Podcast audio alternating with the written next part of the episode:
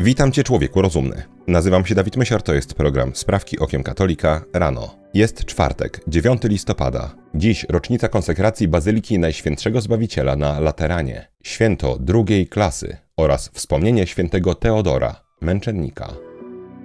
Wszystkie sprawy nasze prosimy Cię, Panie, natchnieniem Twoim uprzedzaj, a pomocą wspieraj, aby wszelka modlitwa i praca nasza od Ciebie się poczynała i przez Ciebie się kończyła. Przez Chrystusa, Pana naszego. Amen. Węgry.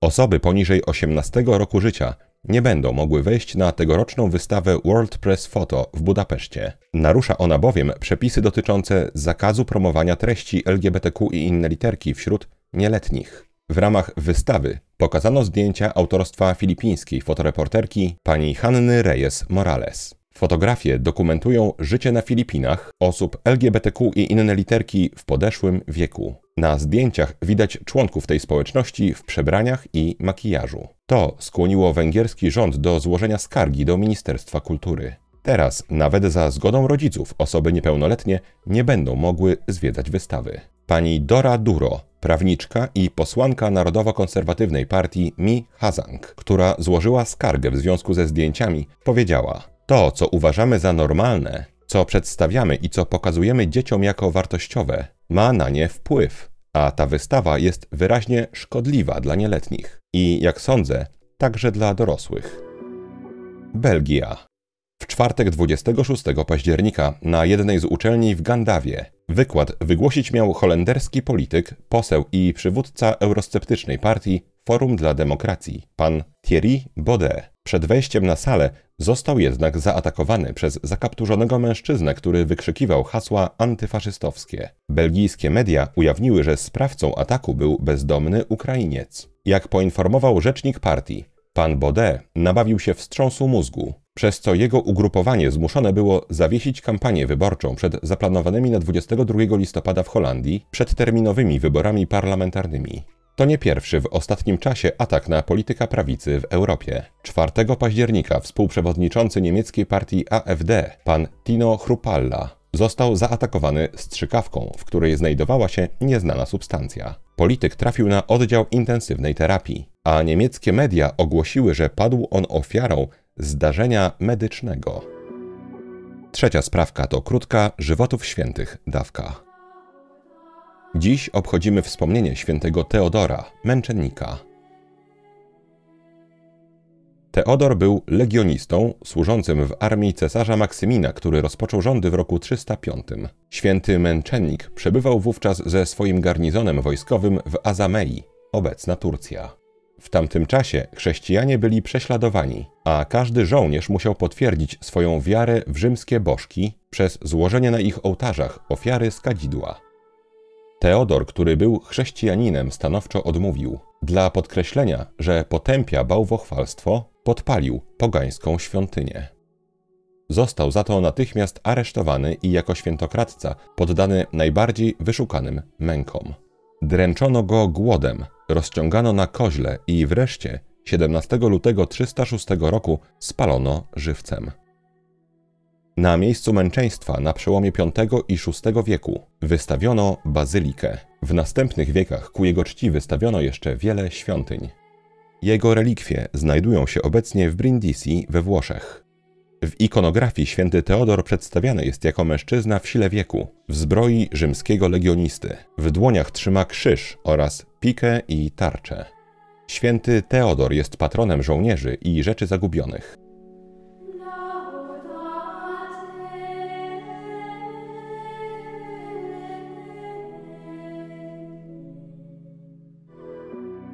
Irlandia Północna Kościół katolicki w Irlandii Północnej zdecydował się odpowiedzieć na braki kadrowe w sposób nowatorski.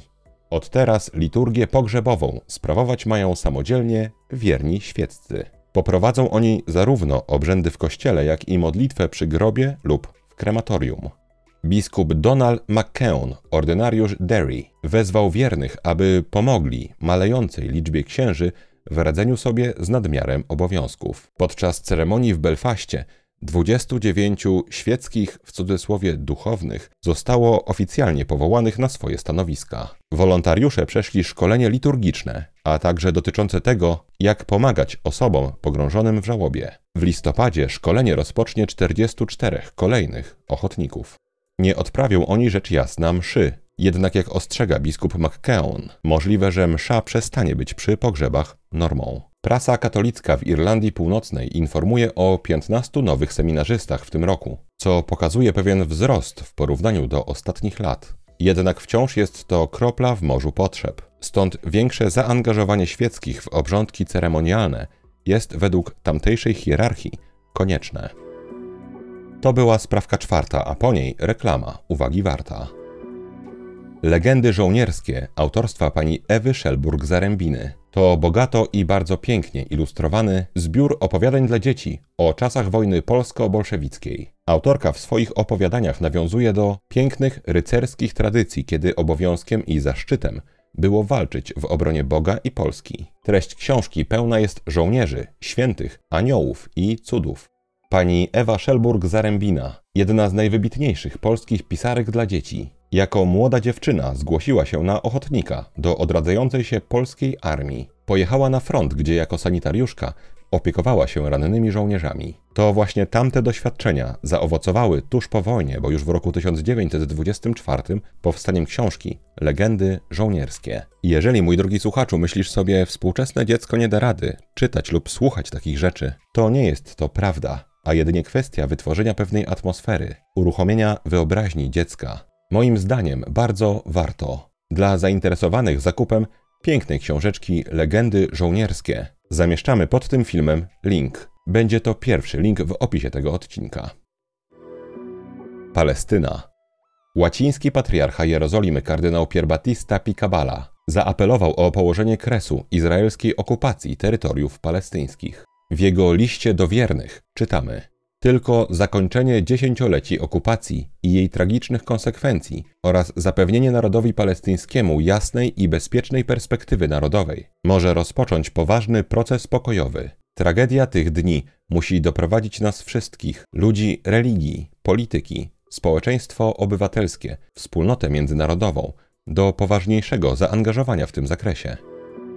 Cały świat, Caritas rozpoczęło Światowy Dzień Działania. To kolejny etap kilkuletniej kampanii My Razem, mającej na celu promowanie integralnej ekologii. Częścią wydarzeń inaugurujących było opublikowanie raportu na temat osób, które musiały porzucić swoje domy ze względu na zmiany klimatyczne. Sekretarz generalny Caritas Internationalis pan Alistair Dutton podczas prezentacji dokumentu powiedział – Rzeczywistość jest taka, że klimat staje się o wiele bardziej nieregularny, o wiele bardziej ekstremalny, o wiele trudniejszy, a ludzie nie potrafią sobie już z tym poradzić i są wypędzani ze swoich domów.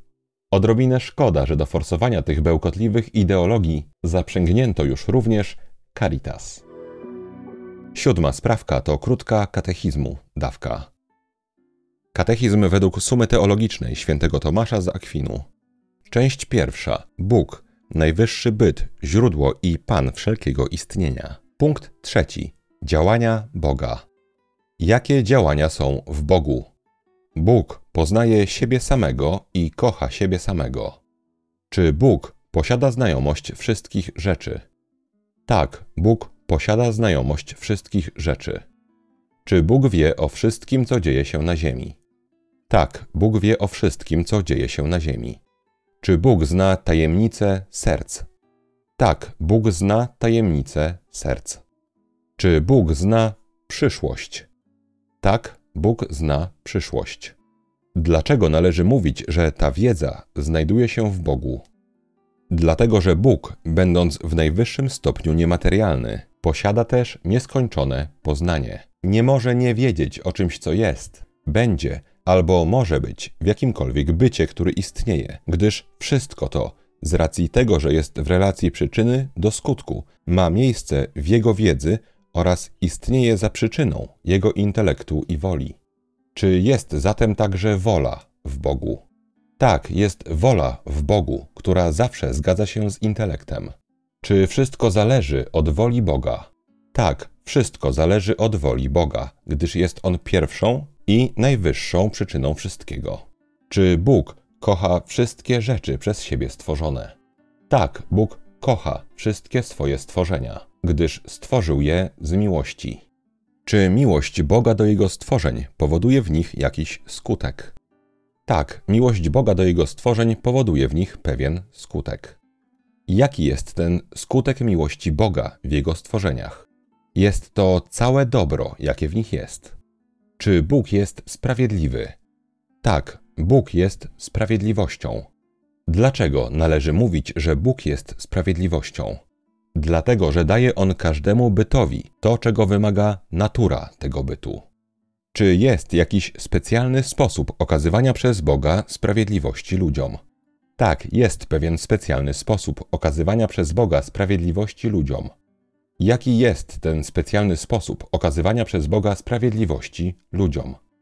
Ten specjalny sposób okazywania przez Boga sprawiedliwości ludziom to nagradzanie dobrych i karanie złych. Czy Bóg tu, na ziemi, nagradza dobrych i karze złych? Bóg tylko częściowo nagradza dobrych i karze złych tu, na ziemi. Gdzie Bóg w pełni nagradza dobrych i karze złych? To w niebie Bóg w pełni nagradza dobrych, a w piekle karze złych. Czy w Bogu jest miłosierdzie? Od odpowiedzi na to pytanie zaczniemy jutro.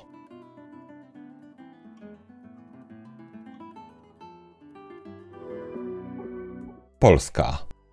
W pewnej gazecie czytamy, czy nastolatka z Aspergerem, autyzmem, zaburzeniami odżywiania i nerwicami powinna mówić ludzkości, jak ma żyć. Brzmi jak cytat z jakiejś konserwatywnej, zdroworozsądkowej gazety, a tymczasem jest on z gazety wyborczej. O kim mowa w cytacie? Tego dowiadujemy się w pierwszym akapicie tekstu. Czytamy: Dla prawicy zbyt lewacka, dla lewicy zbyt uprzywilejowana, dla normalsów zbyt ascetyczna. Co dalej z krucjatą klimatyczną Grety Thunberg? Cóż takiego się stało, że panna Greta nagle stała się zaburzoną autystką prowadzącą własną krucjatę? Na to pytanie odpowiedzi udziela podpis pod zdjęciem zamieszczonym w artykule. Na zdjęciu cztery młode kobiety z kartonami z propalestyńskimi hasłami. Ten z napisem Wspieram Gazę trzyma Greta Thunberg, dwudziestoletnia szwedzka aktywistka klimatyczna, były głos pokolenia i twitterowa pogromczyni samców alfa. Wygląda na to, że pannie Grecie, by niemal z założycielki nowej religii stać się byłym głosem pokolenia, wystarczy jeden propalestyński kartonik. Ponownie Polska. Onet donosi. 31 października jest obchodzony w kościele ewangelicko-augsburskim jako pamiątka reformacji. Święto to nawiązuje do ogłoszenia 95 tez przez augustiańskiego zakonnika, księdza doktora Marcina Lutra. Kościół ewangelicko-augsburski przygotowuje w najbliższych dniach wiele wydarzeń, w tym Noc z Lutrem, czyli Młodzieżowe Święto Reformacji. Promowanie protestanckiej herezji przez liberalno-lewicowy portal pewnie nie byłoby szokujące, gdyby nie fakt, że źródłem, z którego skopiowano cały artykuł pochwalający reformację jest Katolicka Agencja Informacyjna. W artykule propagowanym przez katolicką, chyba tylko z nazwy, agencję czytamy. Reformacja przypomniała znaczenie Słowa Bożego i podkreśliła, że Kościół powołany jest do głoszenia Ewangelii. Wskazała na indywidualną relację z Bogiem, odpowiedzialność za siebie, za innych ludzi i świat wokół nas. O tym, jakie jest katolickie nauczanie na temat protestantyzmu i ogólnie herezji, ani słowa. Ostatnia sprawka to krótka rozprawka. Wiara katolicka, a rozum. Od czasu, gdy dwa i pół roku temu trafiłem do tradycji katolickiej, co w praktyce oznacza przede wszystkim chodzenie na mszę świętą tradycyjną i słuchanie z uwagą kazań, szczególnie podczas tych mszy, ale również na kanałach YouTube'owych, które już tutaj polecałem. Jedną z największych, nie boję się użyć tego słowa, rozkoszy, jakie znalazłem, jest zgodność mojej religijności, która po przylgnięciu do tradycji musiała siłą rzeczy ulec pewnemu przesterowaniu. Jej zgodność z moim rozumem. Każdy człowiek ma pewne uwarunkowania, pewne skłonności, każdy też w czym innym szuka ukojenia. Ja, i proszę mi wybaczyć tę chwilę ekshibicjonizmu, od najmłodszych lat ze swoimi problemami, z kompleksami, z trudnymi sytuacjami, radziłem sobie najczęściej przez rozkładanie każdej sytuacji na czynniki pierwsze. Taka cecha. Czasem ona przeszkadza, czasem pomaga, ale nie o tym teraz jest mowa. W każdym razie mam taką cechę. Nazywałem ją czasem, cytując mojego nieżyjącego ojca, nerwicą sensu. Wszystko musiało mieć rozumowy sens. Ta moja skłonność do analizowania wszystkiego do końca napotykała pewne trudności, gdy żyłem i usiłowałem rozwijać się duchowo w różnych, przepraszam za to słowo, posoborowych wspólnotach, czy też w swoich parafiach. I tutaj bardzo chcę zaznaczyć, że w moim rozumieniu absolutna większość ludzi, w tym duchownych, których spotykałem na swojej drodze, to ludzie szczerze pragnący żyć po katolicku. I względem wielu odczuwamy wdzięczność za rozmowy, za ich modlitwy za mnie. Gdy ludzie chcą całym sercem być katolikami, ale nie wiedzą, że ktoś ten katolicyzm od kilkudziesięciu lat zaciemnia, przesterowuje, reinterpretuje, ale już nie po katolicku. Odpowiedzialność każdego z osobna jest znana tylko Panu Bogu. Być może jedna osoba trwa w tym całym sercem, bo czegoś nie wie i jest to niewiedza niezawiniona. Być może ktoś inny już świadomie się opiera dopominającemu się prawdy rozumowi. Z pewnością nie do mnie należy osąd. Wróćmy jednak do mojej ucieczki w rozum. Przez lwią część życia byłem przekonany, że jest to cecha odrobinkę niekatolicka, że religijność to jest coś, co ma płonąć w sercu, a rozum ma się słuchać i jeżeli natrafia na sprzeczność, to dlatego, że jest jeszcze za mało katolicki. A że katolicyzm to jest często walka ze samym sobą, więc byłem przekonany, że moja walka ma właśnie na tym polegać. Rozum w odstawkę, logika w odstawkę, bliżej nieokreślone serce na front. Wtedy uda się jakoś znaleźć w oparach posoborowych dwuznaczności. Naprawdę tak myślałem. Tylko wtedy nie nazywałem ich posoborowymi, ale dwuznacznościami katolickimi. Potem odkryłem tradycję, lub raczej mi ją odkryto. Od pierwszych chwil odczuwałem przede wszystkim pewną rozumową ulgę. Katolicyzm już nie wbija w moją męską głowę gwoździa, mówiąc: umartw swój mózg, umartw rozum, zacznij wierzyć. Teraz poddanie rozumu wierze nie polega już na jego negacji, a jedynie na tym, że czasem, jako jednak rozumek tylko ludzki, musi on być wiarą dopełniony. I tym chciałem się dzisiaj z Tobą, mój drogi słuchaczu, podzielić.